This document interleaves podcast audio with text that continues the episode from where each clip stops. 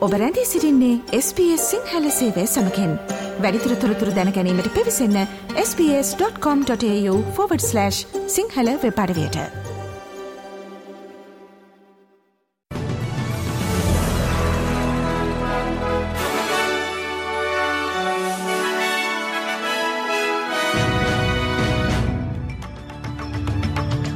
අද ජනවාරි මස දොළොස් වන සිකුරාදා SBS සිංහල සේවේ ප්‍රෘතිගෙනන මම දිනේශාදිල් රුක්ෂී Wijesuriya.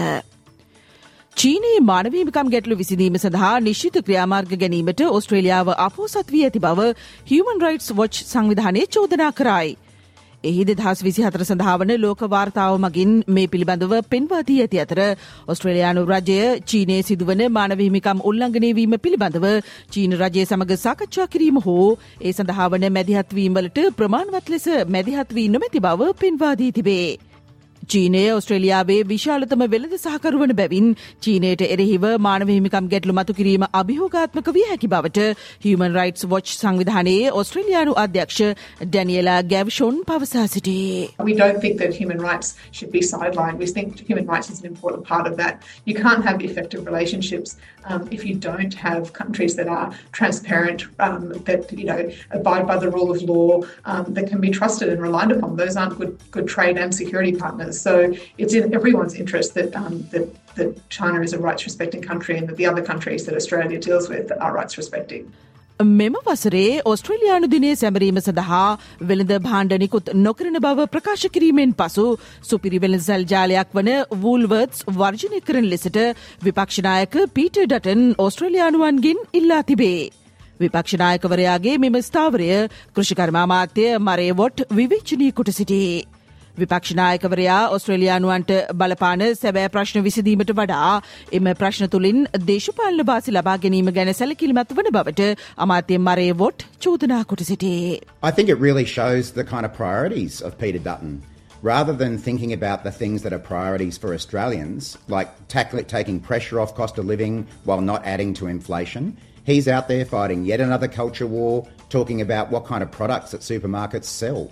Uh, I don't think that's the kind of priority that most Australians have right now. They're thinking about how they can pay their supermarket bills rather than what kind of thongs they can buy in a supermarket.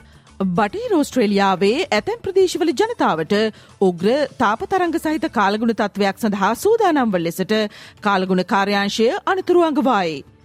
කිම්බර්ලි පිල්බරා සහ goal ෆිල්ස් ප්‍රදේශවල Celsius අංශක තිස් අටේ සිට හතලිස් පහදක්වා උෂ්නාතික තත්ත්වයක් පිළිබඳව අනතුරු ඇඟවීමක් නිකුත් කොට ඇත. ඒ අතරනුත් පිල්බරාහි මාබල්බා ප්‍රදේශී උෂ්ණත්වය අද දිනේදී සෙන්ටිග්‍රේඩ් අංශක හතලිස් හතර සහ සෙනසුරාදා සහ ඉරිදා සෙන්ටිග්‍රේඩ් අංශක හතලිස් හයක් ලෙසට පුරෝකතනය කොට ඇත.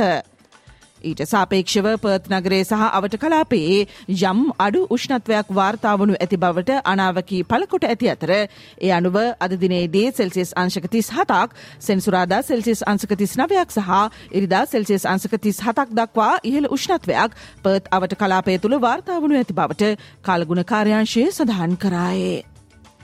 අධික වර්ෂාව සහ සුලිකුණාටුවක් ඇතුළුව තවත් අයහපත් කාලගුණයක් සඳහා සූදානම්වල් ලෙසට කවීන්ස්ලන්ත වැසියන්ට අනතුරු ඇඟවේ.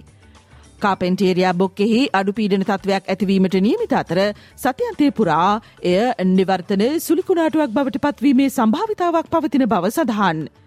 කවීන්ස්ලන්තේ උතුරු කලාපයට යළි ගංවතුර අවධානමක් ඇතිවිය හැකි බවට එය අනුව පුරෝකතනය කොට ඇත. නිවසෞත්වේල්ස් ප්‍රාන්තයේ සතිපතා සෞඛ්‍යවාර්තාවෙන් පෙන්නුම් කෙරෙන පරිදි COොVID-19 සම්ප්‍රේෂණ අනුපාතය සාමාන්‍යයට වඩා වැඩිවී ඇති බව වාර්තාවෙයි. රෝගයට ගොදුරුවී රෝහල් ගතවන පුද්ගලයන් සංඛ්‍යාව අඩුවමින් පවතින නමුත් රෝගින් සංඛ්‍යාව තවමත් ඉහළයමින් පවතින බව එම වාර්තාව මගින් පෙන්වාදේ. මුහුණු ආවරණ පැළඳීම සහ නිතිපතා අත්සේදීම වැනි COොVID-19 ආරක්ෂිත හැසිරීම් අකණ්ඩව සිදු කරන ලෙසට නිවසෞත්වල් සෞඛ්‍යංශය ජනතාවකින් ඉල්ලා සිටේ. ශ්‍රී ලංකාවෙන් වාර්තාවන ප්‍රවෘති අද මෞබිමෙන් පුවත් විශෂාන්ගෙන් බලාපොරොත්තු වන්න. ටික්ටොක් ඉන්ස්ග්‍රෑම් සහ ෆේස්බුක් වැනි සමාජ මාධ්‍යවල පලස්තීනය සහ ගාසාතීරයේ සිදුවන යුදුමේ තත්ව පිළිබඳව පළවන වාර්තා අවහිර කිරීමට ලක්කරන බව සමාජමාධ්‍ය පරිශීලකයෝ චෝදනා කරති. ඇතැම් පලකිරීම් ඉවත් කිරීම ඇතැම් අන්තර්ගතයන් පරිශීලකයෙන් හට දර්ශනය වන වාරගාන අඩු කිරීම සහ ඇතැම් පරිශීලකින් අවහිර කිරීම වැනි ක්‍රියාතුළින් එම සමාජ මාධ්‍යවල පලස්තීන අන්තර්ගතයන් වර්ණය කිරණ බවට චෝදනා එල්ලවෙයි.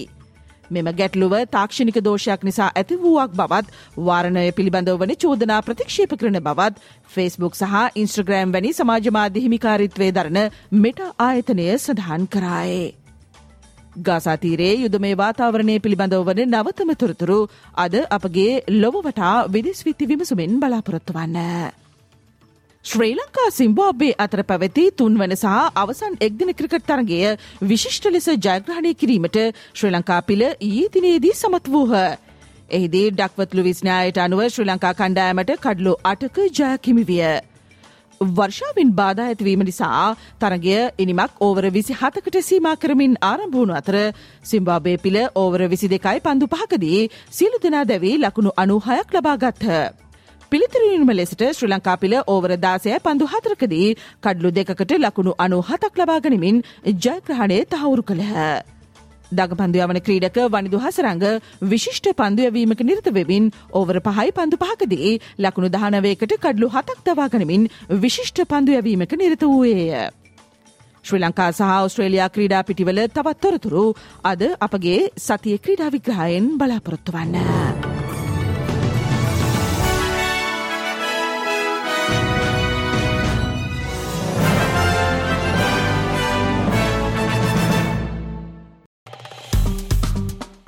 ලයි කරන්න ෂයා කරන්න අදහස් ප්‍රකාශ කරන්න SBS සිංහල ෆස්බුක් පිටුව ෆලෝ කරන්න.